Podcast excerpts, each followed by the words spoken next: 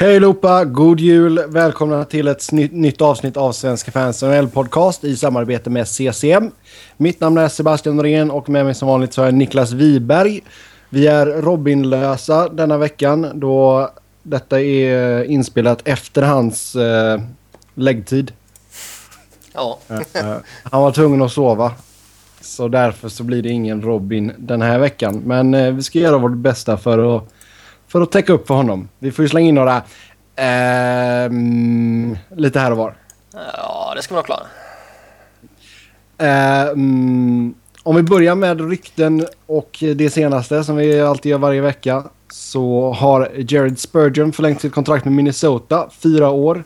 En cap hit som landar på 5,18 miljoner. Är, är Spurgeon värd de här pengarna? Nej. Eh, Så är väl mitt väldigt tydliga svar. Väldigt direkt där. ja. Det är bra. Det det är nu du känner in your inner Robin. ja. Eh, nej, men jag... Jag vet inte. Alltså, jag och Robin har ju genom åren pratat lite om deras backbesättning där jag tycker den är liksom bra och han tycker att den är meh. Eh, men med det sagt så tycker jag väl inte att Spurgeon är en back för 5 miljoner.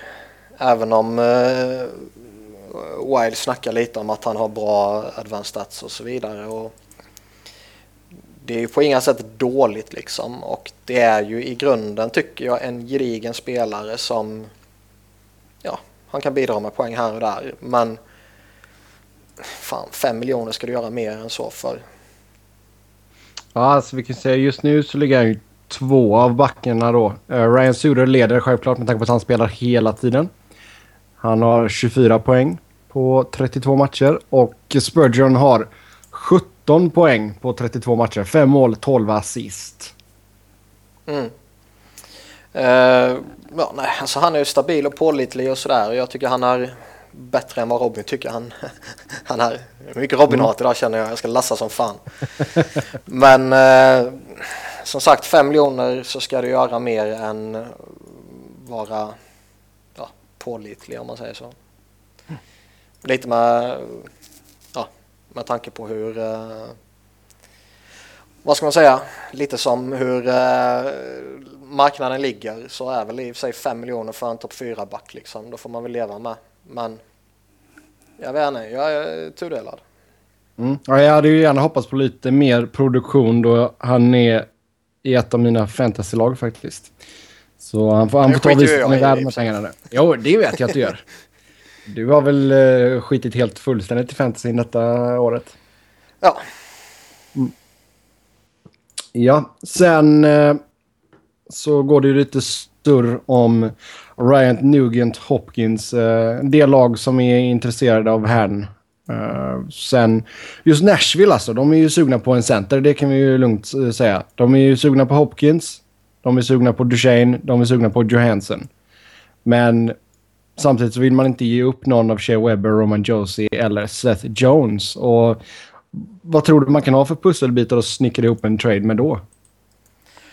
ja, alltså vill man gå efter de tre namnen och man inte är redo att ge upp någonting av värde, då kommer det inte bli någon trade ju. Det är då blir det någon sån här liksom, idiotiska förslag som man får i fantasyligorna man är med i där eh, alla vill ha det bästa men vill bara ge upp skräp liksom. Mm.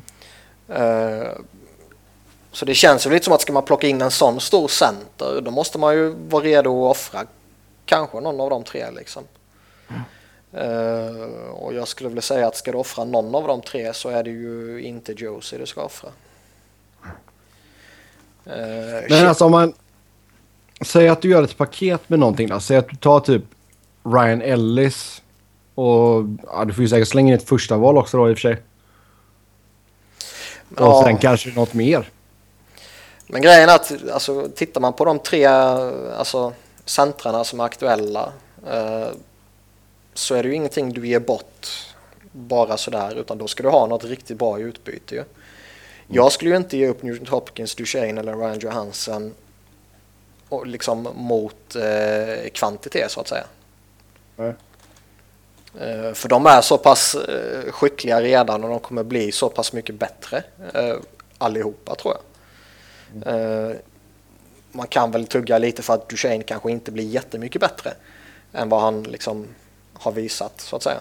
Men eh, alla tre kommer ju vara på en hög nivå.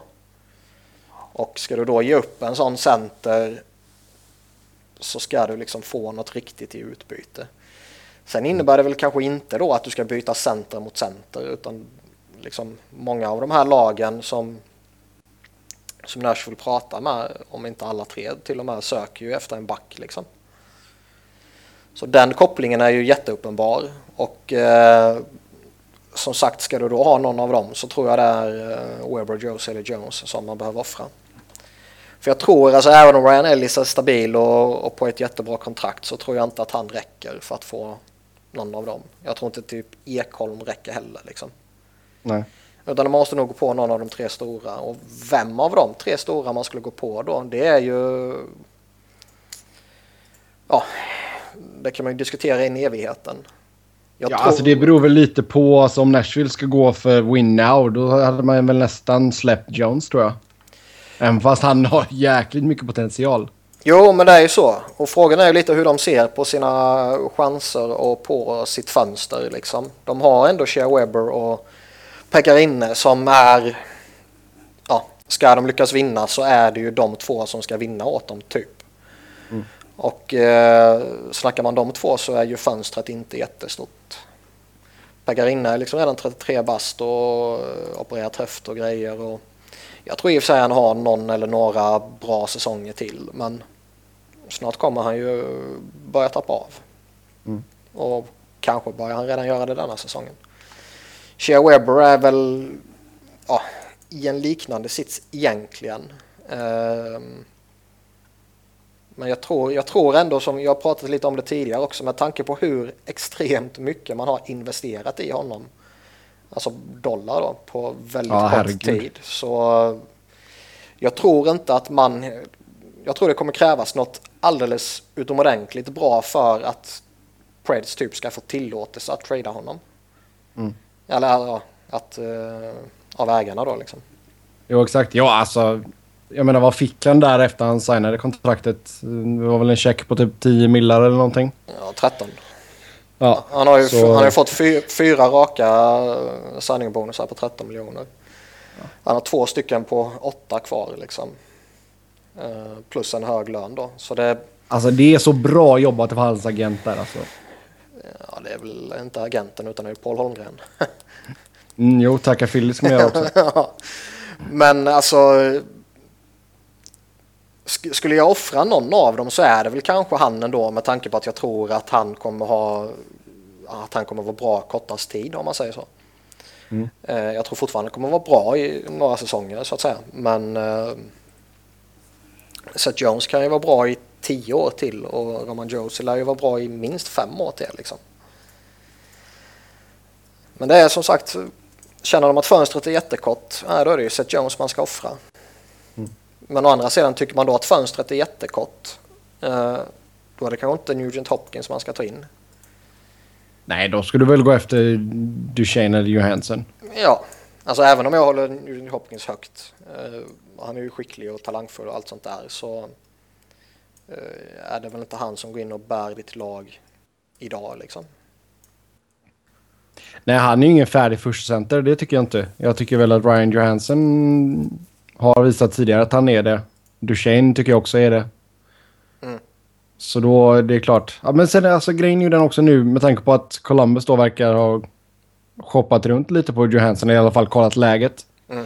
Och det pratade vi om tidigare också, att man liksom har sänkt värdet lite på honom med tanke på att man bänkar honom och lite sådana grejer. Ja. Så det kanske är lättare att gå efter Johansson. Eller vem, vem tror du skulle vara enklast att få de här tre? Ja, den enklaste bör väl rent logiskt vara Johansson med tanke på att det är rätt tunga namn, alltså Bob McKenzie och Dreger och Friedman och det gänget som ändå pratar om att Columbus aktivt har liksom undersökt en trade. De har inte bara lyssnat på andra lag utan de har själva försökt göra någonting. Och det innebär väl att han är på marknaden då. Eh, sen tror väl jag att med tanke på lite hur de behandlat honom som du var inne på och sänkt i mitt tycke sänkt värdet på honom så tror jag väl ändå att de kommer vara missnöjda med erbjudandena de får.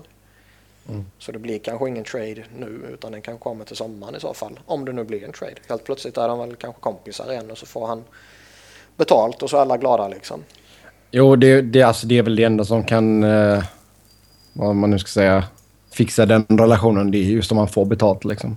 Ja, om Columbus vill ge honom betalt. Ja. Ja, vi går vidare. Washington vill ha en forward. Vilken typ och position skulle vi gå efter ifall vi var GM för Washington? Jag skulle väl egentligen sikta på en eh, left-winger för topp 6. Och då menar jag inte att peta ner Alexander Ovechkin i bottom 6. Utan det är kanske Mojo jag skulle offra i så fall. Mm. Uh, ska man snacka liksom förstärkningar och topp 6 så ser jag ju bara där som det finns en lucka och ett behov. Mm. Alltså Bäckström, Kuznetsov, de är ju rätt givna. Och Williams är rätt givna. Och Ovechkin är ju såklart jättegiven. Och då är det bara Mojo kvar och han kan man ju peta ner och, och få honom till att vara effektiv även i en tredje kedja till exempel. Så det är väl det jag skulle försökt ge mig efter om det nu inte kostar allt för mycket. Uh, för jag vet väl i ärlighetens namn inte om de kan få sån jätteuppgradering om de ska värva djup bara. Mm. Alltså kan de få något som är bättre än Burakovsky och Chimera och liksom... Tobbe säger en tredje center skulle han gå efter. Ja, kanske. Jag tycker ändå de har det vettigt där liksom. Mm. Ja, nej. En, eh, en, left, en left winger med lite speed. Ja. Mm. Yes, sen så ska vi dra upp. Kör kommentar.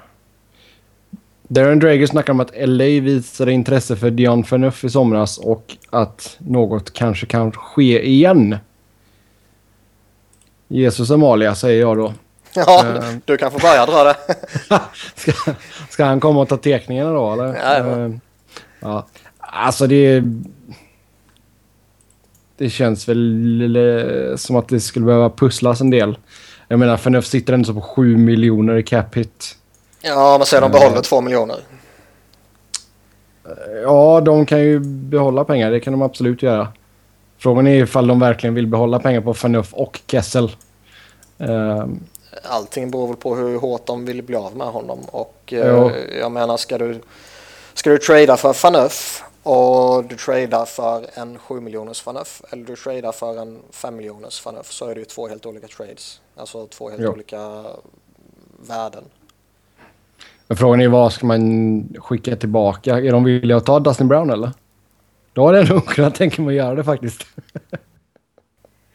eh, ja, alltså det vore väl inte dumt för Kings egentligen. Mm. Jag tror... Toronto får behålla två mille och de får ta Dustin Brown. Ja, ska, Oj. ska de ta det skiten så ska de inte behålla det känns, ju så, det känns ju som highway robbery i så fall. Ja. Då ska de ju inte behålla så värst mycket lön känner jag. Eh, jag tror liksom han kommer göra det bra om han kommer in i rätt omgivning och alla vet att Drew Dowdy är liksom the guy i LA. Mm. Och han kommer ha bra omgivning i Matsin och Martinez och så vidare. Så det, jag tror väl han skulle sköta sig bra där liksom. Mm. Ja, jo, alltså jag tror inte han skulle göra bort sig på något sätt. Absolut inte. Men eh, såvida man kan bli av med en rejäl lönepost alla Dustin Brown och eh, gärna få Toronto att käka någonting så, så blir det nog svårt att få igenom den med tanke på att man redan har eh, tajt mot taket och fortfarande inte skrivit nytt med Kopitar och eh, sen då att det spekuleras om att man vill signa nytt med Lucic. Ja. ja, alltså inget ont om Dion Phaneuf. Han är väl okej okay och jag tycker han får eh, mer skit än man förtjänar få liksom. Men mm. eh, letar du backförstärkningar så finns det ju andra namn jag skulle gå efter innan jag börjar tugga med Toronto om Faneuf och hans 7 miljoner liksom. Jo. Han har Absolut. ändå, vad det, fem år kvar. Han är 30 bast så jag vet inte. Mm. Nej, vi får se, vi får se vad som händer. Um, han skulle nog bli mer uppskattad i LA än i Toronto i alla fall. Så mycket ja, kan vi säga. det går ju inte att bli mindre uppskattad. ja, avstängningen då. Max Talbot, två matcher för headshot på Jiri Tolusti. Ja, nej, det är ju, de fortsätter ju nonchalera all form av våld mot huvudet. Och som jag säger varenda gång det sker en sån här, det liksom, om det här bara ska ge två matcher så är det ju helt meningslöst att stänga av egentligen. Mm. För han, han träffar ju klockrent i skallen liksom, det, det kan man ju inte snacka bort ju. Nej.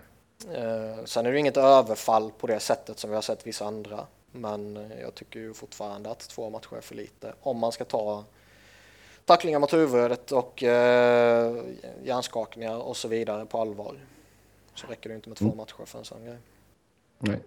Ha, sen nästa nyhet är inte purfärsk, men eh, den kom, kom den typ precis efter vi hade spelat in eh, förra gången. Mm. Eh, Kry, Kryger borta flera månader med handledsskada.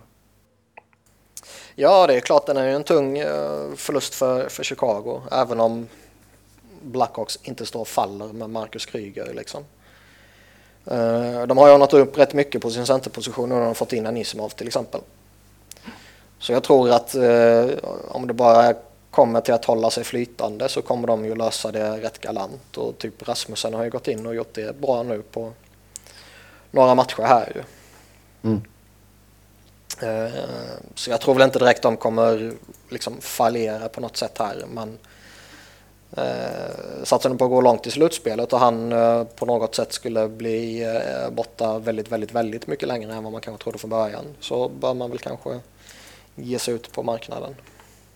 Mm. Jo, det är ju de lägena du vill ha Kryger, alltså när det är tajta slutspelsmatcher, sluta matchen, du ska döda PK. Ja, han är ju viktig för dem.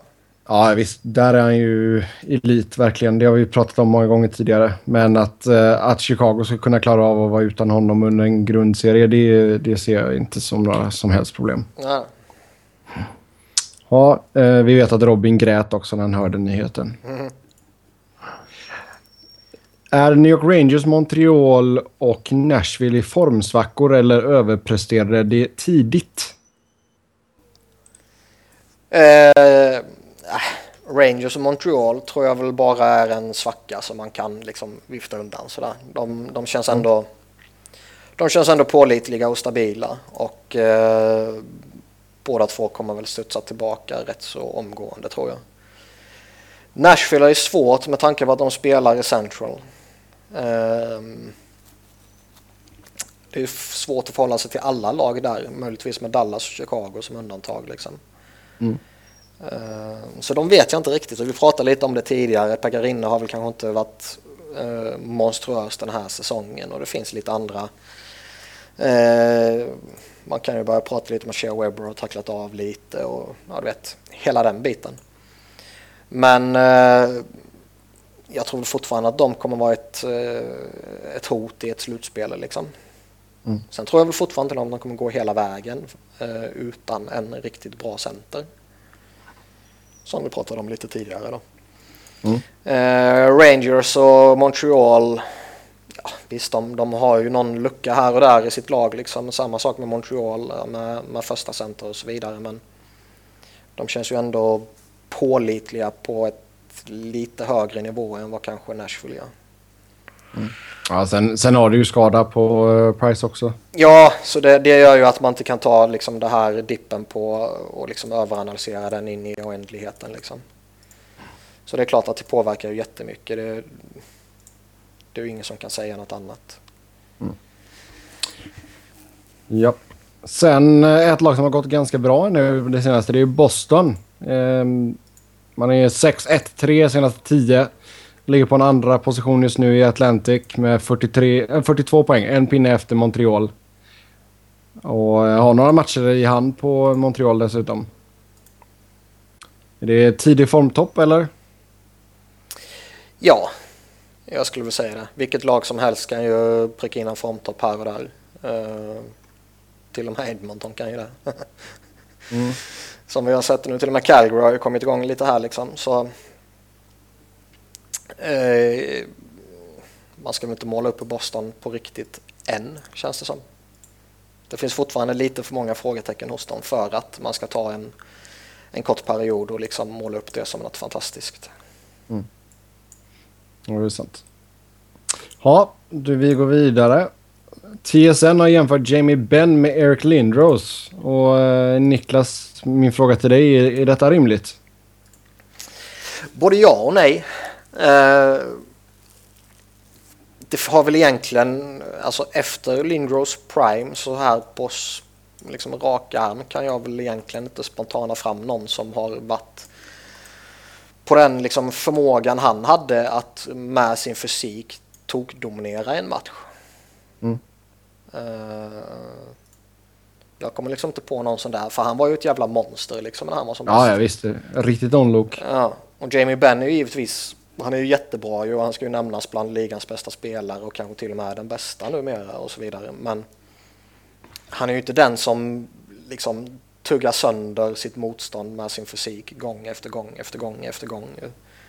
Nu, ska inte det vara någon, nu är inte det någon form av kritik mot honom på något sätt. Men eh, i jämförelse med Lindros så är den väl inte hundraprocentig liksom. Nej. Däremot kan man väl kanske på något sätt snurra in på att han kanske är en modern version av honom. Ge mig två sekunder bara så ska jag få ut mina hundar i rummet här. alltså? Ja. Kom igen, gå, gå lay down, come on. Det blir kaos när folk som heter Rooney är involverade på något sätt överhuvudtaget. Det ska man bara lägga ner. Go to bed. Go to bed säger han nu. Men i vilket fall så tycker jag väl ändå att Jamie Benn är eh, en av de jobbigaste spelarna att möta.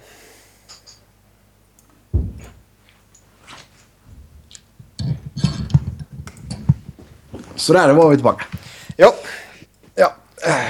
Jag, eh, jag snackade skit om Rooney och så sa jag att Jamie Benn väl är en av de jobbigaste spelarna att möta. Mm. Men han är ingen Erik Lindros? Nej. Nej.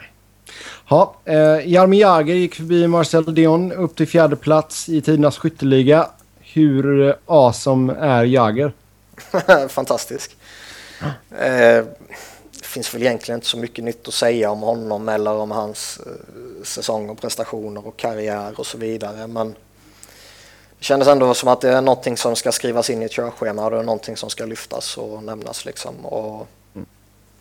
Han har nio pyts upp till Bertal på tredje platsen och det lär han ju ta. Ja. ja han är för jäkla cool alltså. Det är, det är kul att se en legend verkligen. Ja. Det är alltid kul att se honom spela och extra kul att han eh, kör mallet igen. Ja. Jag gillar det. Han verkar bara vara en skön människa liksom. Däremot blir jag ju lite trött på det här snacket liksom att oh, tänk vad han skulle varit om inte han skulle spela till KHL. För det, Fast samtidigt det så vet ju... man inte hur mycket det hade slitit på honom ifall han hade stannat. Nej, alltså han har ju själv sagt att han inte skulle kunna spela på den här nivån så här länge om inte han skulle lämnat NHL. Mm. Uh, så jag tycker att, att, att liksom veva den diskussionen hela jävla tiden så fort han slår ett nytt rekord. Och, och jag tänker vad han skulle gjort om han skulle ha varit kvar i, i NHL de här säsongerna också. Den är jag så jävla trött på. Uppskatta det han har gjort istället. Ja. Mm. Vi skippar uh, Gothisburg den här veckan faktiskt. Och sen är, vad är 2015 års största grej i ligan? Uh, jag vill spontant säga tre mot tre i övertid. Uh, jag säger Shane Gostisbehere. Ja, det är klart du gör. Det är typ samma sak vi säger. Nej, men... Ja, han har varit bra där. Nej, skämt åsido. Så uh, jag håller med dig, tre om tre. Det är ju fantastiskt skoj. Uh, mm. Alltså, underhållsnivån har ju skjutit i höjden. Overtime förr i tiden så att säga kunde ju om man hade otur vara jävligt tråkigt och det var liksom lag som bara gick för att eh, hoppas på straffar och så vidare. Nu är det ju verkligen skitskoj att titta på overtime varenda match, vad som än händer och liksom coacher som slänger ut tre forwards och spelar och så vidare. Så det är inte så att man liksom även i tre mot tre bara försöker på något sätt eh, döda spelet. Nej, det går inte att säkra det tre mot tre. Nej. Så jag tycker det, jag tycker det har revolutionerat eh, ligan på ett sätt. Eh, mm. Sen är det ju oundvikligt att nämna Kimmo Timonen också. ja. Att han fick lyfta kuppen. Ja. Yes, då eh, går vi in på vårt jultema. Vi ska dela ut lite julklappar. Uh, vi ska även dela ut lite kol.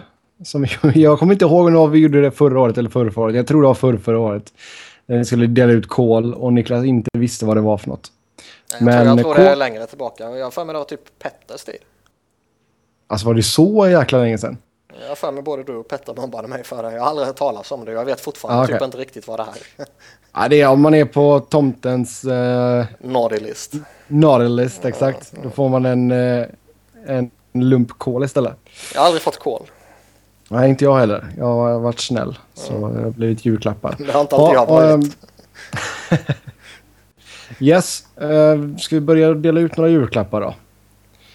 Jag uh, kan slänga ut att uh, jag skulle ge Mike Smith i Arizona Coyotes en sån här uh, magmuskelstränare. Du vet de som man klistrar på som att det är på typ TV-shop.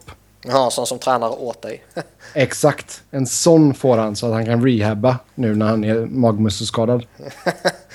ja, fan du lyckas kuppa in jävla Arizona på allting. Men då får väl jag göra samma sak. och ge John Scott en garanterad NHL-plats så han verkligen kommer till All-Star Game. Ja, så där ja. För det känns som att enda sättet som de kan, förutom att manipulera röstningen, eh, se till att han inte är på plats. Det är väl typ att tvinga Coyotes att skicka ner honom. Mm. Ja, det är sant. Han, eh, han leder väl fortfarande va? Ja, nu har inte jag kollat några dagar, men eh, senast gjorde han det ju. Mm. Eh, om vi inte så håller oss till Arizona, Oliver Ekman Larsson får ju kalsonger. Självklart. ja, Sina tror, egna. Jag tror han har så han klarar sig. Ja, jag tror också det. Ja. Jag tror också det. Ha, um, John Tortorella, han får um, piller för blodtryck. Nej, det behöver han inte. Jo, han alltså må, när han, han går nej, av. Nej, han måste ju pumpa för fullt annars är han inte på riktigt ju. Jo, men alltså jo, jo, men han får ju pillerna så att han kan pumpa för fullt. Förstår du vad jag menar? Ja, jag menar så. Annars kommer han ju kolla vippen när han eh, får rätta sina psykbryt alltså. Ja, nej, jag, jag tror... Nej, jag tror, man, jag tror inte man ska liksom röra om så mycket hos honom. Utan jag, man ska blåsa på. Ja, en flaska virba. Ja, typ. ja. ja. Um, vad har vi mer? Jag drar på mig en tidsmaskin till Anaheim så de kan ångra Kesslers kontrakt. Oj, den var fin du. Den, eh, det kan man ju säga om många eh, lag såklart, men eh, senaste ja, närtiden om man säger så, så är väl det här kontraktet lite roligare. Mm. Patrick Roy, han får en kopia av Machiavellis The Prince. Eh, jag tror inte han hör vad du säger när han har sina två ringar i öronen. Nej, det är sant. Det är sant. Han kanske borde få den Art of War också. Han eh, Sun Tzu. Den har jag läst. Den är rätt rolig faktiskt. Mm.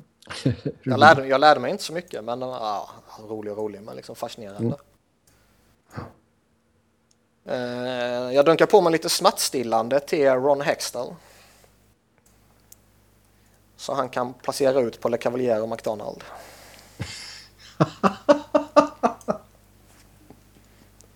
ja, ring in, eh, vad heter det, droghundarna. De får sniffa. Det funkar ju för en viss smutsig organisation, så varför inte? ja du, ja du. Uh, ska vi se, vad kan vi mer ge för presenter till lag? Uh, Florida. De, uh, de kan få ett par busslaster med turister så att det blir lite folk på matcherna. ja, jag, jag drar till med Pittsburgh, en ny general manager. Alltså det är ju en snäll julklapp. Ja, julklappar ska väl vara snälla. Eller underlätta för dem liksom. Ja. Tobias säger att han vill ge stödhjul till Mark Stahl och Dan Girardi. Den var bra. jag, tror inte, Ja. jag tror inte stödhjul räcker till Gerardi. Han behöver en rullator eller någonting. Ska vi dela ut lite kol också? Ja. Eh, Tom Wilson. För att han är dum Mm, i han, huvudet och han farlig. får en, he en hel säck med kol. Ja. Zach Rinaldo likadant. Han är dum i huvudet och farlig. Mm.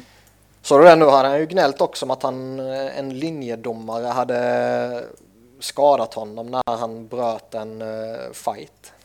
Då lippar han ut om Alltså. det också. Och själv liksom headhunter han hela tiden och tycker att han är tuff och häftig. Okej. Det är så Ja, skönt att ha blivit av med honom. Mm. Eh, vem mer ska ha kol? Eh, Anaheims forwards, för de har inte gjort tillräckligt med mål. Ja. Eh, Jim Rutherford kan få lite också. Sidney Crosby kan ju få lite. Det är lite skoj också. Ja. Mm. Eh, sen har vi några kategorier här också. Årets tomte. Den här fattar jag inte alls. Okej, förklara. ja, men nå- någon som har gjort någonting riktigt jäkla dumdistrigt, idiotiskt, eh, helt mindless. Och det är ju Dalton Prout. Jaha, du menar tomte på det sättet? Jag trodde typ Ja. jul, jag trodde jultomte så jag fattade ingenting. Ja, nej, nej, nej. Årets tomte. Eh, årets är ju... Den är ju svår liksom. Slava Vojnov typ liksom. Han fuckade upp rätt så rejält. Jerry Stoll fuckade Ja, upp rätt så rejält. Eh, vad har vi mer? Man vågar väl inte säga Patrick Kane utan att få skit men eh, nu har han ju frikänts så även om inte det betyder att han är oskyldig så problem kommer till Patrick Kane på ett lite olustigt sätt gång på gång på gång. Mike Ribeiro. Ja, Raffy Torres. Påpekar Joel i chatten också. Ja, Ja, det är Många tomtar. ja det är Många tomtar. bra. Eh, kanske snurra in på Tom Wilson igen också. Sen... Eh, årets tomtenisse. Ja, den fattar jag inte heller. Det här, det här är dina kategorier så de får... Ja, ja, jag vet, jag vet. Tomtenisse är en sån liten hjälpgumma kan man säga. Någon som gör allt, allt grovjobb men som inte riktigt får något, något erkännande. Ja, eh, vad skulle det kunna vara? Eh, kan man dunka på Marian Hossa typ? Mm. Det känns som det tuggas. Han, han är ju rätt hypad på ett sätt men eh, det är väl mest Toews och Kane och Keith som får, som får den riktiga stora hypen i Chicago. Men Hossa är fan bra alltså. Mm. Årets tomtenisse. Han skulle se bra ut med såna öron också. Sen årets Grinch. Alltså det är årets surgubbe kan man väl nästan säga. Ja, eller någon som förstör på något sätt. Och jag säger Edmonton när de vinner eh, lotteriet. Ja. Ja, det är jäklar vad... Det var ju det absolut tråkiga som kunde hända med Conor McDavid. Den mest hypade sen Crosby liksom. Hamna i fucking Edmonton. Ja, det är sant. Sen, årets Rudolf. Alltså någon som har burit sitt lag. Någon som har varit den här killen som har visat vägen igenom det dåliga vädret, så att säga. Det är väl Patrick Kane. Om inte någon vet vem Rudolf är så är det, är det eh, renen som tomten använder längst fram. Nej, men det är väl Kane liksom. Han har väl burit Chicago rätt vettigt. Eh, Mm. Jamie Benn och Tyler Seguin kan man väl slänga in som någon form av par också. Carey Price, Henrik Lundqvist. Eh, Men pratar man om den ultimata segern som är att vinna finalen så är det väl Kane som passar in tycker jag. Yes. Och sen, sist men inte minst, årets snögubbe. Någon som har varit helt iskall verkligen.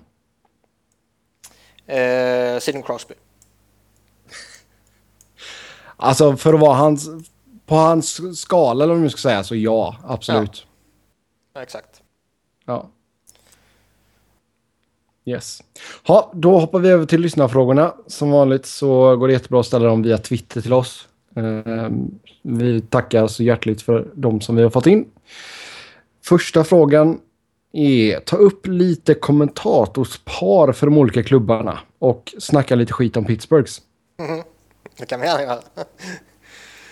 uh, jag är dålig på namnen på alla kommentatorerna liksom. Jag, jag kan inte det där ska jag villigt erkänna. Men uh, jag står verkligen inte ut med Pittsburghs. De är ofantligt dåligt pålästa. De är ofantliga homers och de är uh, allmänt störiga och irriterande. Liksom. Uh, ska vi se, vad, vilka vem har vi där? Är det Michael Lang? Phil Bork på uh, radiosidan va? Så Paul Stegerwald och Bob Airy. Ja, Stegerwald är ju hopplös ju. Jag står inte ut med dem. Uh, Jack Edwards hos Boston kan man ju sätta munkavel på också. Mm. Uh, Anaheim ser inte jag jätte high på. De är också lite sådär halv... Det är liksom lite väl mycket Homer. Alltså jag har inget emot att de är homers. Alltså de är trots allt anställda av laget och de liksom följer det laget och har ju oftast någon koppling till laget och så vidare. Men eh, jag tycker det är många som går över gränsen. Mm. Alltså, alltså som verkligen verkligen, verkligen inte kan liksom säga att en spelare inte har varit tillräckligt bra eller som bara ska sitta och gnälla om motståndarna eller du vet hela den delen eller bara du vet eh, lyfta samma grej 35 gånger i samma sändning och så vidare. Mm. Alltså det är, som tur är så kan man ju välja vilken man vill lyssna på. Ja, om man tittar på Game Center. Ja, det är, det är lite lyx får man ju säga. Uh, alltså, nu har det ju blivit, jag har sett mycket Arizona och så Matt McConnell och Tyson Nash. Matt McConnell är bra på, på det han gör, play by play, men han är bedrövlig på namn. Han är värre än vad jag är. ja. Alltså hänga upp sig på namn eller liksom uttala dem fel, det är egentligen inte något som jag stör mig på jättemycket. Jo, men när det är, när det är spelare i egna laget till och med. Ja, jo, då, nej, det är ju inte riktigt bra ju. Annars känner jag att det är lite en... Uh... För jag menar, så svårt är det inte. Nej, det är det inte. Men jag tycker ändå det är liksom...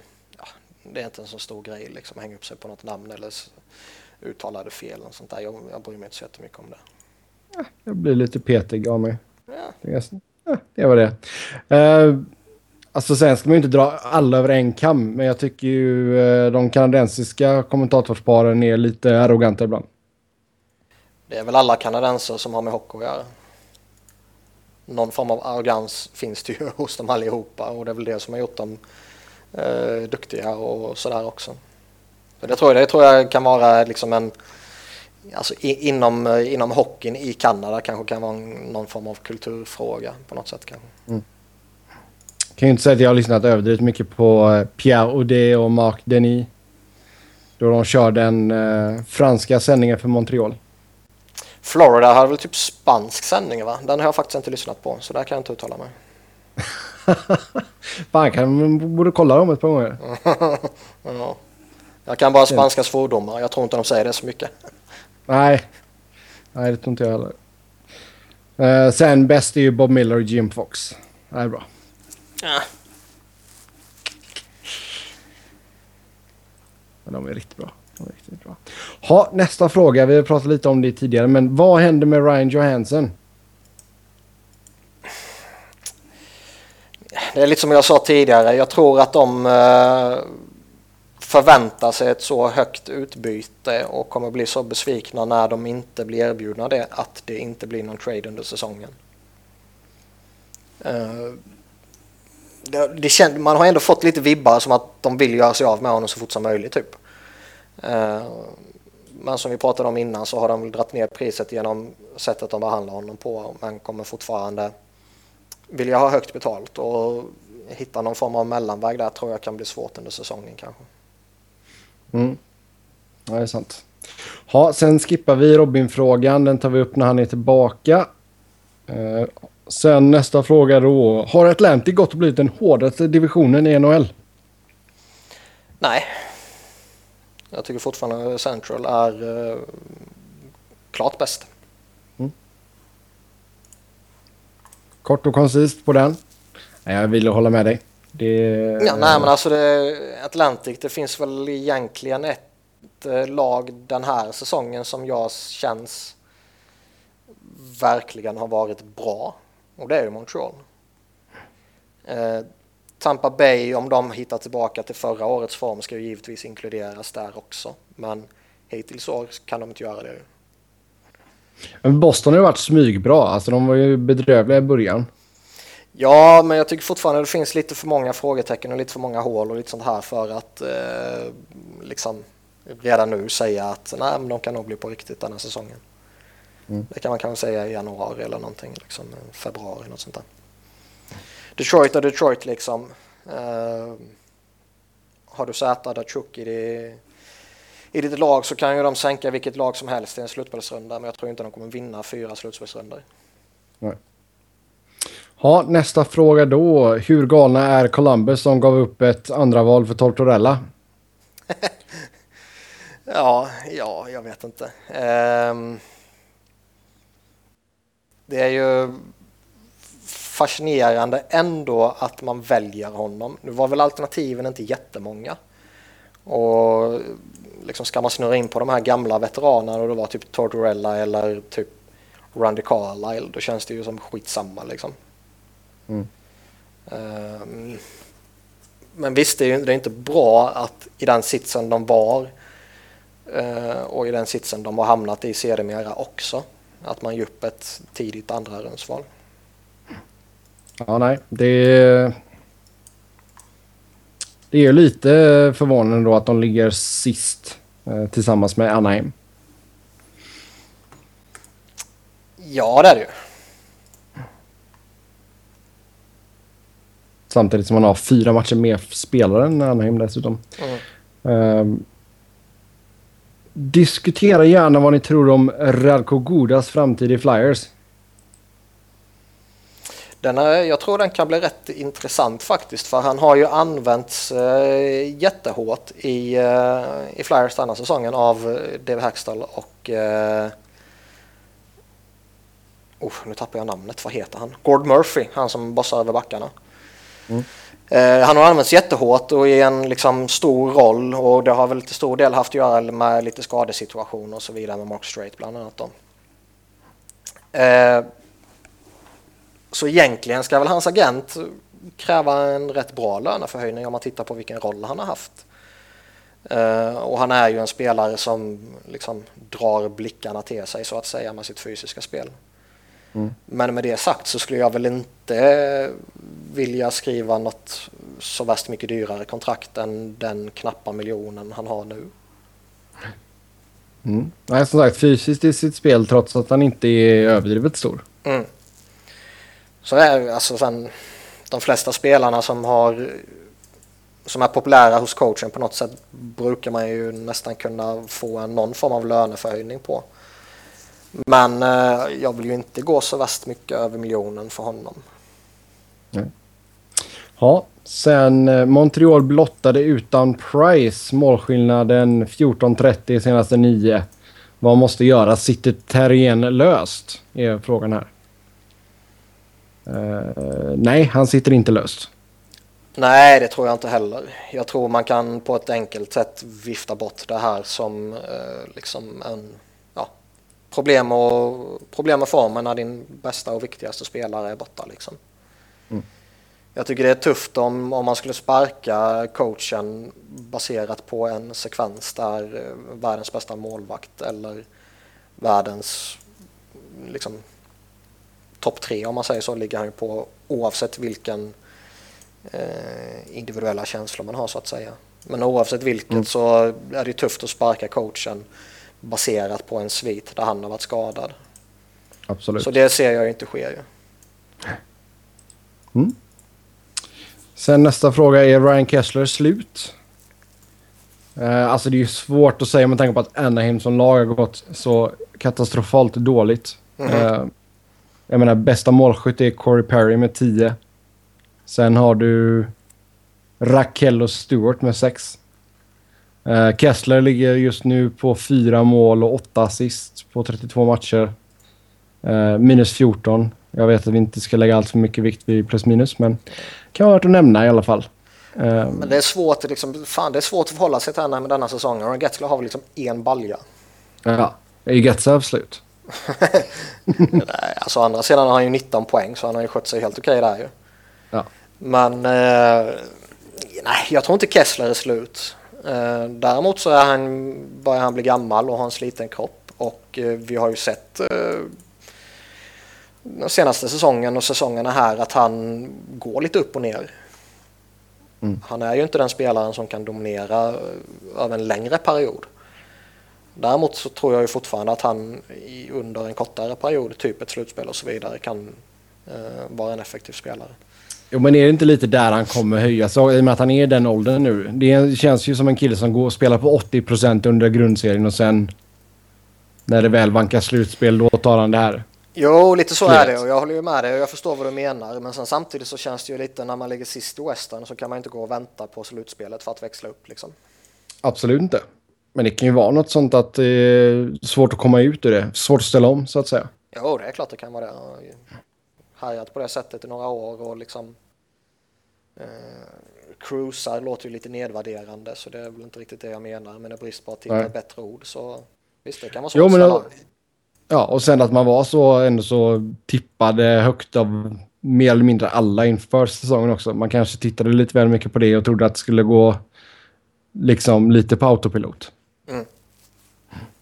Ja, nästa fråga från... Eh, det känns ju som att den här kommer från typ Tobbe eller någonting. Borde Rangers göra någonting? Allting ser katastrofalt ut just, just nu. Det beror inte på Gerardi. Stepan Ståhl plus plus för Johansen? Frågetecken. Eh, alltså Stefan eller Johansen känns ju som dödslopp. Visst anser man det var värt att bli av med Stal eh, och sen bara byta ut en, en, en, liksom, en bra center mot en annan bra center så vet du fan. Eh, men eh, nej, det är ju det är inte en trade jag skulle göra. Sen är det väl liksom, vi pratade lite tidigare, Rangers, jag, ja. Eller när vi pratade typ, eh, vad var det vi pratade om? Ifall det var tidiga formsvackor? Ja, precis. Ja, precis. Precis. Nej, alltså jag tror bara det är några formsvackor man kan vifta av. Liksom. De, är, de är för pålitliga och för stabila för att eh, liksom, inte landa där uppe någonstans i, när grundserien summeras. Så de kommer ju vara ett hot i ett slutspel. Mm. Sen eh, sista lyssnarfrågan vi har fått in innan vi går in på chattfrågor. Eh, så ni kan börja skriva era chattfrågor nu. Glöm inte de jag skickat till dig också innan vi kör det. Ja just det, de ska. Förlåt, håll på chattfrågorna. Vad tycker ni är störst att vinna som individuell spelare? Hart, Art Ross eller Conn Smythe Trophy? Conn Smythe Trophy såklart, för det innebär att de med stor sannolikhet eh, har vunnit eh, Stanley Cup. Mm. Det håller jag helt med om. Uh, ska vi se. Då går vi in på de tilläggsfrågorna här som du hade fått in. Uh, ska vi se. Capitals går förbannat bra. För bra nästan. Ja, det är klart de går för bra. Säger jag som Flyers-supporter. Men eh, nej, de är farliga. De har ju en, eh, vad ska man säga, de har väl alla komponenter som man behöver när man snackar om att bygga ett, eh, ett effektivt och ett framgångsrikt lag. De har ju en fantastiskt duktig målvakt, de har flera duktiga backar. Eh, men Iskanen, Karlsson och Altsner i, i topp liksom. Eh, Brooks Orpik håller väl fortfarande någon form av nivå även om kontraktet på sikt är totalt galenskap såklart. Mm. Sen är det väl lite där bakom i och för sig, det finns några frågetecken men kanske klarar man sig där ändå. Och sen har man ju liksom, du har två riktigt bra centrar, du har en ligans bästa målskytt och sen har man bra eh, utfyllnadsspelare om man säger så med Justin Williams och T. Josh och så vidare. Mm. Så jag tror, jag tror Washington kommer att bli ett riktigt hot. Mm. Jag, jag gillar alltså John Carlson har blivit en riktig personlig favorit här under säsongen faktiskt, får jag säga. Mm. Tycker han ser ruggigt bra ut. Sen ska vi se, vad har vi mer för frågor? Nu får jag dra upp. Det är jobbigt jag måste switcha mellan eh, Facebook och Skype och grejer. Snacka om vad det är som inte klaffar i dags. Ja, det är målskyttet. Det har vi pratat om många gånger. Uh, om Robin hade varit här så hade han uh, sprutat ut vad de har för skottprocent igen. Men den är väldigt låg. Så mycket kan vi säga. vad, var det, vad var det förra gången? 4,8 procent eller någonting? Ja, något sånt. Ja. Uh, och liksom... Ja, men du sa ju det själv, alltså Getzlaff har ett, han har ju målat en gång liksom. Ja, det är det som är så svårt eh, just då, och som jag pratat om tidigare. Man, fan ska man förhålla sig till deras säsong liksom? Det går ju inte.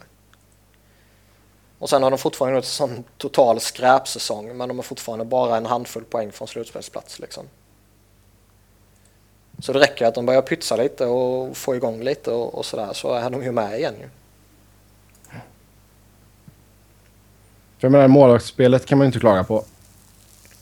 Försvaret kan du inte direkt klaga på heller. Utan det är ju, alltså allt hänger ju på målskyttet. Ja. Mm. Bränn ner hela skiten. Men alltså man undrar ju lite hur länge kommer de gå och ha de här problemen utan att det händer någonting? Alltså antingen om någon form av trade eller uh, byta ut coachen. För jag tror inte att Murray, Murray och ägare och så vidare kommer vara så värst jätteglada av att de liksom ligger i botten på Western hela, hela vägen in så att säga. Nej, nej, absolut inte. Och det är, men det är ju så, det är så smygfarligt där med tanke på att de inte är så många poäng ifrån en slutspelsplats i Pacific. Ja, nej, nej. Det är som sagt det är svårt att förhålla sig till. Mm, ja, nej, vi får se. Men uh, de borde ju göra någonting omgående kan jag tycka. Men det... Nu har vi kommit tillräckligt långt. Alltså för, förut var det, ja, det har bara gått 10 matcher. Ja, det har bara gått 20 matcher. Ja, nu har det ju gått 32 matcher. Mm. Så nu har vi ändå nått en, en viss gräns tycker jag där det är dags att hitta på någonting. För jag menar 60 mål, alltså det är ju bedrövligt. Nej, det är ju inte okej. Okay. In med Carlisle. Mm. Ja, det vet fan. Jo. Det skulle vara skitskoj. Ja. Känns som... Tror du han skulle vilja gå tillbaka? Ja. Varför inte? Mm. Jag vet inte. Jag hade nog inte gjort det ifall jag var han. Men men. Ha, vad har Toronto som gör att de vinner lite matcher helt plötsligt? Ingenting. Tur. No, nej, men liksom eh, hur dålig du än är så kommer du alltid ha någon form av kompetens att vinna några matcher här och där. Sen hjälper det om man spelar Colorado också. jo, det är klart. Ganska galen match får man ju säga faktiskt. Ja, jag såg inte. Jag har bara sett lite highlights och så. Ja. Det, ja. Finfina grejer. Sätta sju, sju på Colorado, det. Ja. Det är inte svårt. ja, hur stor är sprickan i Pittsburgh och hur mycket tror ni att det kan få... Hur mycket tror ni att det kan få för en Crosby på nedgång? Alltså jag tror inte Pittsburgh kommer trada Crosby. Oavsett vad som händer. Nej, jag ser inte det ske heller. Liksom. Det, jag snackar ju mycket skit just kring Pittsburgh, men jag tror ju inte det finns någon spricka på liksom allvar. Det som möjligtvis, eller kanske till och med uppenbarligen fanns, det var ju mellan Rutherford och Johnston med tanke på att de inte gjorde, den ena inte gjorde vad den andra ville. Liksom. Eh, mm. Och att de då i media typ kritiserar varandra och så vidare. Där fanns det väl något uppenbart men eh, i övrigt så ser jag väl inte att det är någon speciell kaos så sett. Sen är det säkerligen lite osäkerhet rent generellt sådär med tanke på snacket som går om att eh, klubbarna till försäljning typ. Mm. Sånt kommer alltid påverka lite och det kommer väl att skapa en viss oro och så vidare men i övrigt så tror jag det där är lite överhypat och, och sådär liksom. Och, kollar man på Crosby sen så det är klart att inte han kommer tradas. Nej, och det kan mycket väl vara så att han studsar tillbaka. Alltså det... Jag tror inte han är ju inte slut på något sätt. Det är bara det han kommer inte kanske vara samma dominant som han var en gång i tiden. Och det har vi pratat om också. Det, han är lite äldre, han har haft skador. Jada jada. Nej, slutar han det... inte. Det tror jag inte alls. Men det är fortfarande en av ligans bästa spelare när han är på humör liksom. Ja, det handlar ju på något sätt bara om att rida ut den här stormen. Uh, visst, fortsätter det hela säsongen och det fortsätter in på nästa säsong, då kan det ju vara fullt legitimt att börja oroa sig. Men nu rycker jag väl bara på axlarna åt det. Liksom. det mm. Han är fortfarande på en hög nivå i mina ögon. Mm. Eh, sen är nästa fråga, skulle vara roligt att höra hur ni tycker coaches challenge på goal interference har funkat så här långt. Jag tycker ju att de... Eh, vad ska man säga? Jag tycker det har blivit lite tråkigt med alla de här jävla challenges. Det är liksom... Eh, det ska göras mest hela tiden och ibland gör man det på chans trots att man typ... Det är jättetydligt att det inte var någonting och så vidare och så tycker jag att det kräver, jag har pratat om det tidigare för några veckor sedan också, men jag tycker det krävs så jättelite för att det ska tolkas som goal interference när de tittar i efterhand. Mm. Och jag menar inte på något sätt att det ska vara tillåtet att köra över målvakterna och liksom verkligen utsätta dem för något farligt. Det är inte det jag menar, men när man liksom, vet, tröjan typ fladdrar ut lite i ryggslutet och så rör den lite vid målvaktens axel så blir det typ goal interference. Sånt är ju skittråkigt. Ja, ja, jo det håller jag med om. Alltså, det får ju vara någonting alltså, ordentligt om det nu ska bli någonting. Ja. Men däremot så kan man ju tycka att...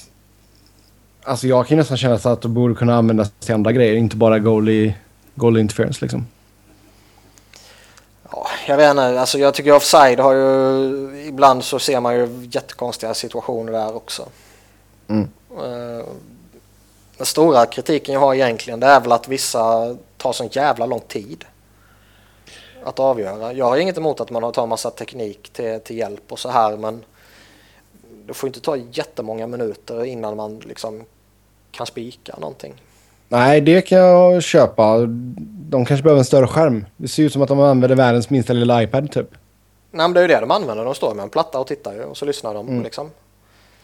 Uh, och det är väl för att det ska vara så smidigt som möjligt såklart men uh, ja, nej, jag vet inte. Jag, jag gillar mycket av det men det kan liksom finjusteras på ett jättebra sätt. Och det kommer mm. alltså klart allting du inför nya grejer så kommer det finnas barnsjukdomar.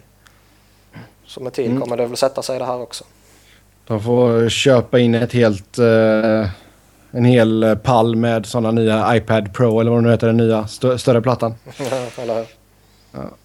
Sen har Kalle Järnkrok spelat till sig ett nytt NHL-kontrakt med tanke på hans spel hittills denna säsongen. Ja. Mm. Jag ser väl inte varför han inte skulle bli erbjuden ett nytt kontrakt egentligen. Nej. Det, men det, alltså, det var ju så lite snack när de släppte honom. Tycker du att han har fått den utvecklingen som han förutspådde? Nej, han var ju rätt hypad här hemma när han stack över. Han var ju rätt hypad där i början och i, uh, i Detroit liksom. Men uh, visst, den hypen har han inte letat upp det. Men den... Uh, han är ju fortfarande en NHL-spelare tycker jag. Mm. Japp. Ja, då så ber vi om chattfrågor. Uh, jag såg att... Nu får jag bläddra ner hur långt som helst här. Nej, skriv, skriv i chatten nu om ni ska fråga frågor. Så kör vi... Eh, vad ska man säga? Live mailbox. Så här. Dan för doppare dan. För dan för doppare dan.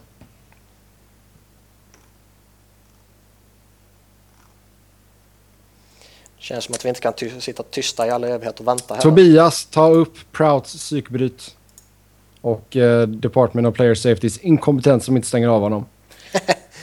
ja, Prout var ju uh, en av årets tomtar. alltså det han gör, jag kommer inte ihåg vem det var på. Var det Plotnikov?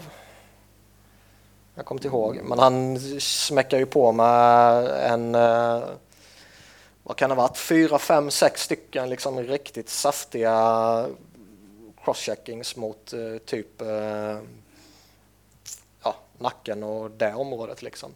Ja. Och han fick ju, han åkte ju på någonting i matchen liksom och det är ju många som menar på att nej men det räcker. Ligan tog ju tag i det, de blundade inte för det. Och det håller jag väl inte riktigt med om. Nej, herregud. Jag kan ju tycka att han ska få någon form av reprimand så här i efterhand. Mm. Och kanske få någon eh, match då liksom. Två plus två fick han.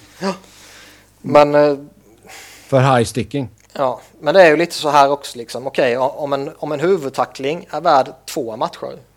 Mm. Ska verkligen crosschecking liksom som inte... Det är ju fult och sådär men det är liksom inte... Det är inte på samma nivå som en saftig huvudtackling känner jag. Nej. Det Men liksom- det, är, alltså, no, det går ju en gräns någonstans när det är liksom, ah, en liten crosscheck liksom. Whatever, det händer i varenda match. Men när han liksom, så, som Tobbe sa, liksom får psykbryt och verkligen alltså, pumla på någon sådär, så då har man ju gått över gränsen. Då, då ska det ju hända någonting liksom. Det är inte okej. Nej, jag håller med. Men liksom har du lagt en nivå där en saftig huvudtackling ger två matcher. Eh, Jo, men det är ju nivån det är fel på. Det har vi pratat om i all oändlighet, att det, strafferna är för jävla mesiga. Ja, men det är det jag menar. Liksom, har de lagt den nivån så ja, då kanske eh, han ska frias. Liksom. Då kanske det räcker med bestraffningen han fick i matchen. Sen borde det ju egentligen vara liksom, att en riktig huvudtackling ska ju ge flera matcher. Liksom. Och då är det ju enkelt att ge några matcher för eh, en sån här grej. För den är ju inte direkt vacker. Nej, det är de verkligen inte. Filip undrar vem vinner President's Trophy, Washington eller Dallas? Eh, ja, jag drar till med Dallas faktiskt. Trots att de spelar i Central. De ser inte fan-? Trots? De ser fan bra ut alltså. Det ser inte ut att vara något som stoppar dem heller. Ja, nej. Nej, vi får se. Det är två riktigt bra lag i alla fall får man säga. Hur tycker du, alltså om vi går in på Dallas, hur tycker du att det har funkat med eh, Lehtonen och Niemi? Eh, vad ska man säga? De har väl... Eh, man var ändå sugen på situationen på förhand. Och eh, just det här med att vi satsar på två etablerade första målvakter. Och mitt tycke så är det väl inte någon som har gjort dundersuccé och det är väl inte någon som har gjort bort sig heller. Skulle jag vilja säga. Mm. Man har väl kanske fått vad man skulle få.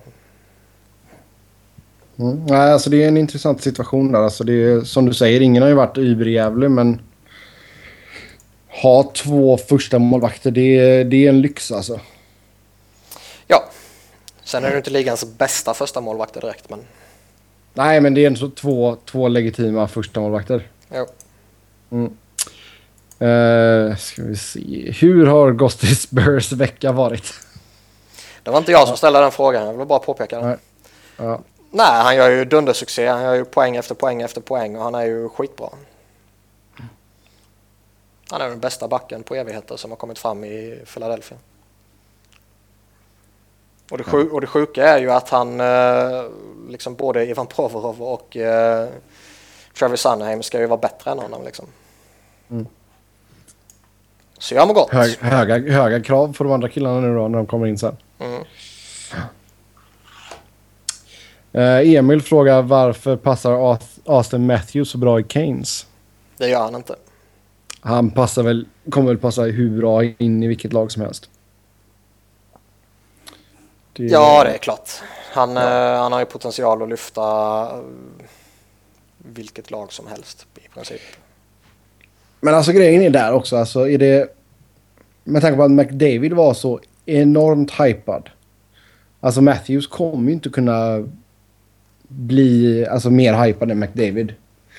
Ska han bli Men det då? Ja, det är jag inte vet. För jag menar, han går ändå så in och liksom spelar riktigt bra mot män i eh, uh, schweiziska ligan nu liksom. Och visar ändå så att han... Eller ja, nu vet vi. Han kanske fortfarande inte är redo för NHL. Men det känns på pappret i alla fall som att han är redo. McDavid gick ju tyvärr sönder ganska tidigt. Men tror du att om Matthews hade varit kanadensare, hade han varit lika hypad som McDavid? Svårt att säga liksom. Det... Vad ska man säga? Kanadensare blir generellt mer hypade än alla andra liksom. Uh... Men jag vet, nej, jag vet inte. Det är svårt att svara något vettigt på den frågan faktiskt. Tycker jag. Mm. Ja, det hade han, hade han inte varit från Scottsdale, Arizona så... Men det är det, från, Ari från Arizona med mexikansk påbrå liksom. Ja, Fan, det är tufft. ja. Yes. Eh, jag ska se, det var någon som frågar här ifall Provorov och Signhem är redo för NHL nästa säsong. Eh, ja, ja, jag tror det ska mycket till om man släpper upp båda två direkt liksom. Um, spontant så kanske det blir att man slänger in Provorov och låter Sandheim få lite AHL-tid. Mm. Om man låter någon av dem spela. Det finns ju rätt tydliga tendenser på att Ron Hextall vill låta de unga spelarna få lite utveckling och så vidare och utbildning i AHL innan han släpper in dem. Mm. Ja, det är sant. Sen kan vi ju lägga till också då att Arizona har 32 poäng. Så eh, det är bara 28 poäng kvar. Sen med, vill jag mitt bett. Det är med Robin, du har din beef, det är inte med mig. Ja, nej, jag tänkte det är bra att pilla in den här. När han inte är här. ja. ja, jag börjar... Jag börjar nästan hålla på dig nu. Ja, det är bra. Trots att jag, jag var ju på Robins sida inför säsongen. Men jag börjar, ja, jag börjar svänga över nu. Ha, eh, vilket lag har bäst back prospects, Canes eller Flyers? Flyers såklart. Det var från Emil. Ja, oväntat. ja, ja. Sen, eh, ja, nu får ni pilla in några fler frågor annars så tackar vi för oss.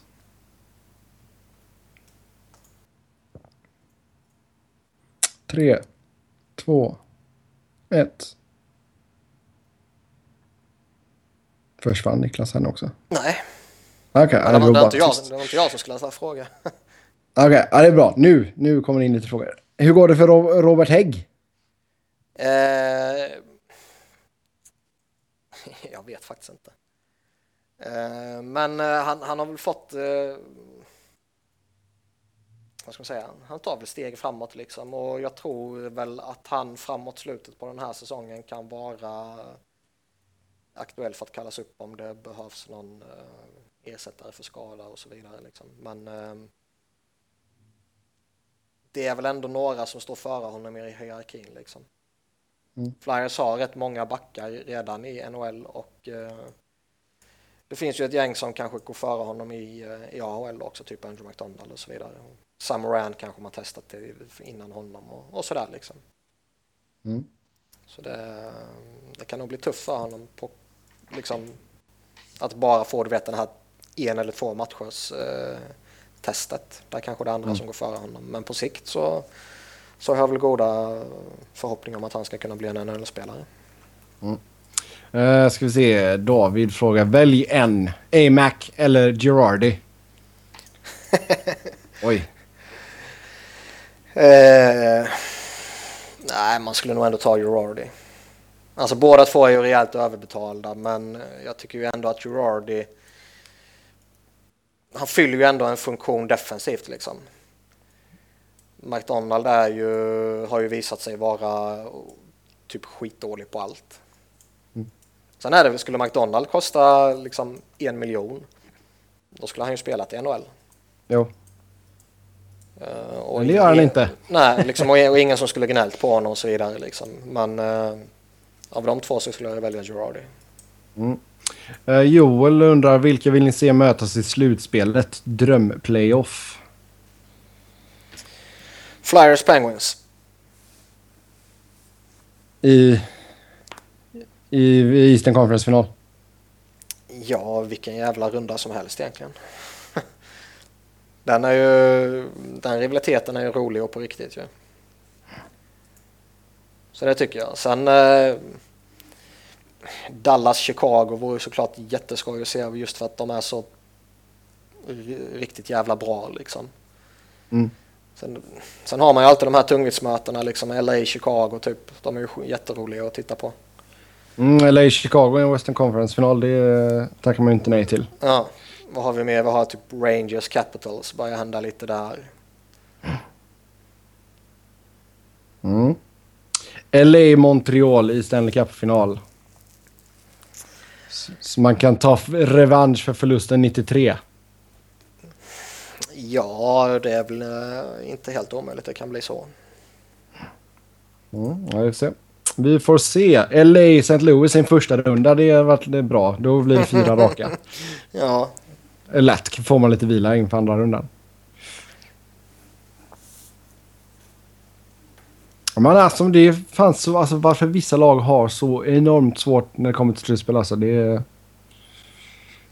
Fast Blues man har, alltså, jag tror mer har det att göra med motståndet än att de har liksom, det är något fel på dem. Jo. Liksom åka mot LA, Chicago, alltså det är ju ingen skam i det.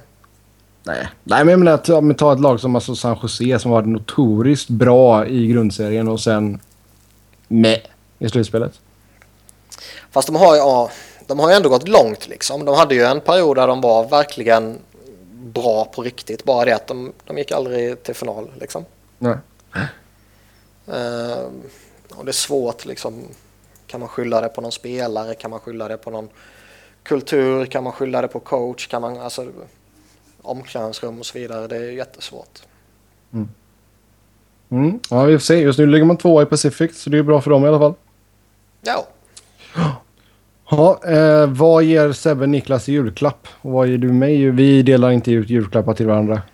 Nej, du får inget av mig. Nej, det är, det är en tillräcklig julklapp att vi sitter och pratar med varandra. eh, några nya nyheter angående Winnipeg Jets och eh, kontraktssituationen med Buff och grabbarna. Har vi, fått, har vi hört något nytt? Jag har inte hört något mer än det som vi pratade om förra veckan. Nej. Så missar ni det så gå tillbaka och lyssna på förra veckans ja. avsnitt. Vilka tror ni har störst chans att ta sig till slutspel? Nashville, Colorado eller Winnipeg? Eh, inte Colorado. Nej. Jag tror, jag tror uh. alltså Nashville tror jag kommer ta sig till slutspel. Det, det kommer ordna upp sig. Mm. Uh, Winnipeg är en intressant situation för de är rätt, jag tycker oftast de är roliga att titta på och de är inte dåliga så sett men man undrar ju lite hur, eh, liksom, hur mycket påverkar det egentligen ett lag och typ ett omklädningsrum när man har några framträdande spelare på utgående kontrakt. Liksom. Mm. Du har liksom Andrew Ladd, lagkapten och, och ledaren som blir UFA. Du har Big Buff som ja, poängmaskin och så vidare och eh, spelar tunga minuter och så vidare som UFA. Man, alltså, jag undrar hur mycket det påverkar och det har jag ju ingen aning om givetvis ju. Nej. Men man undrar om det är någonting som kan liksom skapa någon form av osäkerhet om det påverkar eller om det, det bara är sådana idioter som vi som sitter och spekulerar om det liksom. Mm. Ja, sen får man ju se om de får ordning på målvaktssituationen. Ja, får du hata lite på Pavlic också, då blir du glad. Ja, exakt. Och Hutchinson har inte varit mycket att hänga i granen det senaste heller. Mm. Uh, Helleby, Helle, hur säger man hans efternamn egentligen? Hellebuychuk. Ja. Ja. Uh, ser lovande ut. Ja, jo det gör han. Det får man ge han i alla fall, men uh, om man är redo att ta över helt och hållet. Nej, det skulle mycket till om han ska gå in och bära dem till en slutspelsplats. Det bara mm. har hjälp av sina lagkamrater för. Ska vi se. Island Mountain frågar, behöver Flyers få in en topp 6 bredvid G och Chen för att flytta ner Raffel i tredje eller hålla Raffel för första? Jag är jättetudelad till honom. Uh, å ena sidan så är han rätt nyttig med sitt, uh, liksom, han skapar mycket yta för dem han spelar med. Om han spelar med liksom Joe, Voracek, Chen, Simmons och det där gänget liksom. Han skapar mycket yta för dem och han liksom gör skitgörat och grovjobbet och hela du vet den beten. Men liksom denna säsongen har han ju producerat alldeles för dåligt för att spelat med Claude Drew hela säsongen. Bortsett från några enstaka matcher här och där. Han var ändå en 20-målsskytt förra året. Och det kanske är... Nu gjorde han 21 baljor förra året. det är väl kanske lite högt. Jag tror inte han kommer landa på att vara en stabil 20-målsskytt. Eh, men i den bästa av världar så är det klart att man ska ha en bättre spelare än Mikael Raffel i en första kedja. Mm. Så det tror jag är en sån där grej som man på något sätt vill åtgärda men det är svårt att åtgärda det när du har liksom och Le Cavalier och McDonald som käkar lite pengar. Mm. Ja, något nytt om våra check? Något nytt? Ja. Um, hur, hur har han sett ut? Jag kan inte säga att jag har tittat överdrivet mycket på Fille. Uh, nej, men han har ju sett ut som han gjort hela säsongen. Han, han ser ju inte dålig ut och han är inte dålig. Uh, nu har han ju som väl är kommit upp i topp 6 igen och spelar med Couturier och Simmons i en jätteeffektiv andra kedja. Uh, och har börjat göra lite poäng igen och så vidare. Men uh, han har ju en satans oflyt på något sätt. Han har ju haft hela säsongen jättelägen där han dunkar den i stolpen eller ribban eller du vet en centimeter utanför och så vidare. Så det är ju ja, någon märklig jävla säsong har han ju. Och det är just målskyttet. Han står liksom på 3 plus 20. Skulle han stå på 10 plus 20 så skulle väl folk egentligen inte reagera på att han haft en dålig säsong. Mm. Mm. Vad eh, tycker du om eh, Minnesota? Att man ska spela i eh, North Stars-tröjor på alumni-matchen? det hade jag ingen aning om. Det är väl, det är väl lite, lite gulligt att man liksom blickar tillbaka sådär. Fast det är ju inte... Alltså det är ju konstigt med tanke på att de inte är... Jo, jag vet. Det, det, det, är ju Dallas liksom. Jo, jag vet. Det är lite udda så sett, men jag tycker ändå det är lite vackert när man kopplar tillbaka till det som en gång var. Liksom. Uh, sen är det ju plastigt på ett sätt, men hela jävla ligan alltså, är så ju, jävla plastig. Det är, ju, det är ju sjukt snygga tröjor. Jag gillar den loggan som Ja, det är det. Bara det gör ju nästan det okej okay, liksom. Men uh, känns, känns ju lite konstigt. Frågan är vad Dallas skulle spela i då? Eh, ja, fan vet jag. Helvita tröjor. Ingen logga? Nej. Ja, det är lite konstigt. Men, men, men jag, alltså, jag kan nästan gilla alumna games alltså. Jag tycker det är lite coolt. Det är lite, alltså den nostalgin. Ja, alltså det är det är klart det är häftigt att uppleva sina typ barndomsidoler igen och så här, men ja, det är, det är inte underhållande spel liksom. Nej. Så det är klart det var lite coolt att se typ Bernie Parent stå i, i mål liksom för Flyers mot, mot Rangers och det var ju charmigt som fan att se Eric Lindros uh, spela fram John LeClaire på ett sätt som han gjort typ tusen gånger. Och sådär. Det, så det är lite gulligt, det är klart. Mm. Uh, ska vi se, vad tycker Wiberg om Filip Forsbergs säsong än så länge? Eh, jag har inte tittat jättemycket på Predators men eh, vad ska man säga, det känns väl inte som att han har liksom växlat ut på ett sätt som man eh, kanske trodde och hoppades att han skulle kunna göra. Vad ska man säga, kanske kan man på något sätt snurra in på att det är någon form av sophomore slump om man pratar om den förra säsongen som hans liksom definitiva genombrott. Liksom. Jo. jo, det tycker jag väl att vi kan göra. Ja. Eh, kanske är det något sånt där, kanske... Alltså jag, jag tycker alltid det är lite udda det här med att nej, men nu vet motståndarna vem han är, nu lägger de mer fokus på honom. Det borde de ha lärt sig efter typ 20 matcher förra säsongen. Jo, det är sant. Samtidigt kanske inte det fanns lika mycket film på honom som man brukar säga här borta. Nej, men man, fan, man fattar ju att oj, han är ju, han är ju het liksom. Det är klart att vi måste hålla koll på honom. Mm. Det, är inte så, det är inte något sånt man kommer på helt plötsligt när man gör sin analys i typ augusti liksom. Oj, det finns en Filip Forsberg i ligan. Han verkar vara rätt duktig. Kanske borde titta lite på honom. Ja. ja, jo, det är sant. Men det är väl där besvikelsen ligger, att han inte har lyckats växla ut liksom. Mm. Ja, det kan jag väl hålla med om. Men samtidigt som... Det är ju en bra spelare i grunden. Så det är, sen är det såklart svårt att följa upp en sån säsong som man hade förra året. Ja. Det och då gick ju laget, alltså som på räls, ett bra tag där också. Oh, ja. Um, sen fick vi frågan om det var hänt något nytt angående Kings och Anse Kopitar. Uh, nej, inte sen vi pratade sist tror jag inte. Uh, det var väl något snack för ett par dagar sedan. Uh, eh, var, det, var det Freeman som sa någonting tror jag? Att det var riktigt nära nu i alla fall. Ja, jag tror det var han eller LeBron som sa att det ja, förmodligen blir det klart i liksom, efter årsskiftet. Mm. Men som sagt, det är 8 år 9,75. Det är väl de siffrorna som har snurrat, snurrat runt och det, ja, det känns väl helt okej. Okay. Ja. Faktiskt, får jag säga. Um, vem är nästa svenska stormålvakt? Eh, Felix Sandström. Ja. Nej, eh, jag vet inte. Jag har inte koll på alla unga svenska målvakter. Men eh, med Flyers ögon sett så är jag ju såklart eh, taggad på Sandström. Mm. Alltså det känns ju svårt, för jag menar just nu så känns det som att du har Lundqvist uppe i toppen och sen är det ett jäkligt långt gap ner till nästa. Ja, det är klart. Det är ingen som kommer i närheten av honom.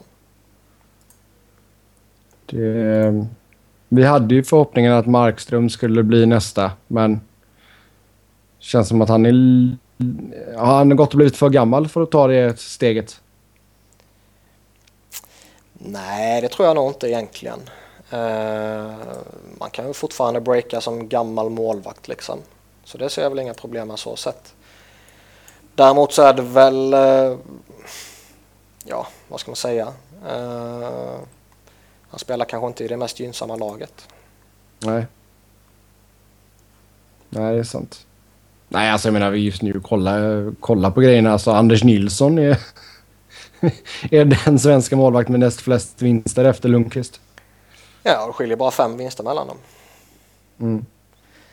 Men det, nej, men det är klart, Henke är ju på en helt egen nivå och sen kommer väl en handfull spelare bakom honom och sen är det ett, eh, ytterligare ett steg ner liksom.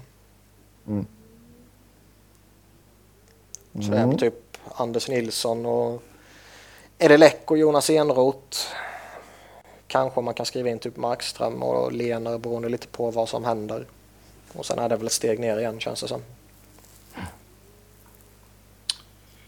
Nu ska vi se. Vilket lag har näst, näst bästa målvaktsduon efter uh, Philadelphia? det var inte jag som skrev den frågan. Nej, det är Island Mountain. Ja, han heter det. Ja. Uh, den näst bästa målvaktsduon efter Philadelphia, vad kan det vara? egentligen kan man väl slänga upp vilka som helst av liksom typ Rangers Montreal som har de här toppmålvakterna. Caps mm. också med Holtby. Um, Tampa har ju jävligt spännande par med Bishop och Vasilevski till exempel. Eller Gudlevskis mm, jo, det är också. Mm. Ja, Gudlevskis ja. ja. ja. man glömmer bort honom lite. Ja. Um, Gibson Andersen är ju riktigt bra. Ja, det ser man ju verkligen i tabellen.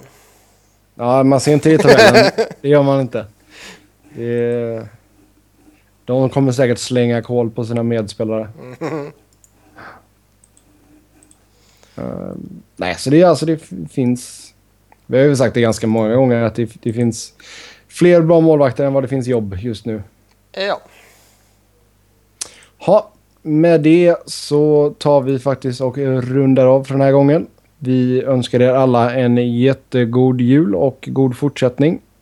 Vi, eh, vi får se lite faktiskt om vi kör ett program nästa vecka. Niklas kommer att eh, leva loppan i Finland under JVM. Mm. Så eh, får jag bara klartecken av Robins föräldrar att han stannar upp lite senare än vanligt. så kan det bli att vi, vi kommer att köra ett program. Men ja, håll utkik på Twitter. Mig hittar ni på @sebnoren, Niklas hittar ni på Niklas Wiberg. Robin hittar ni på R underscore Fredriksson. Så uh, får vi se vad som händer. Så uh, ha det gott så länge så hörs vi nästa gång. Hej! Hej!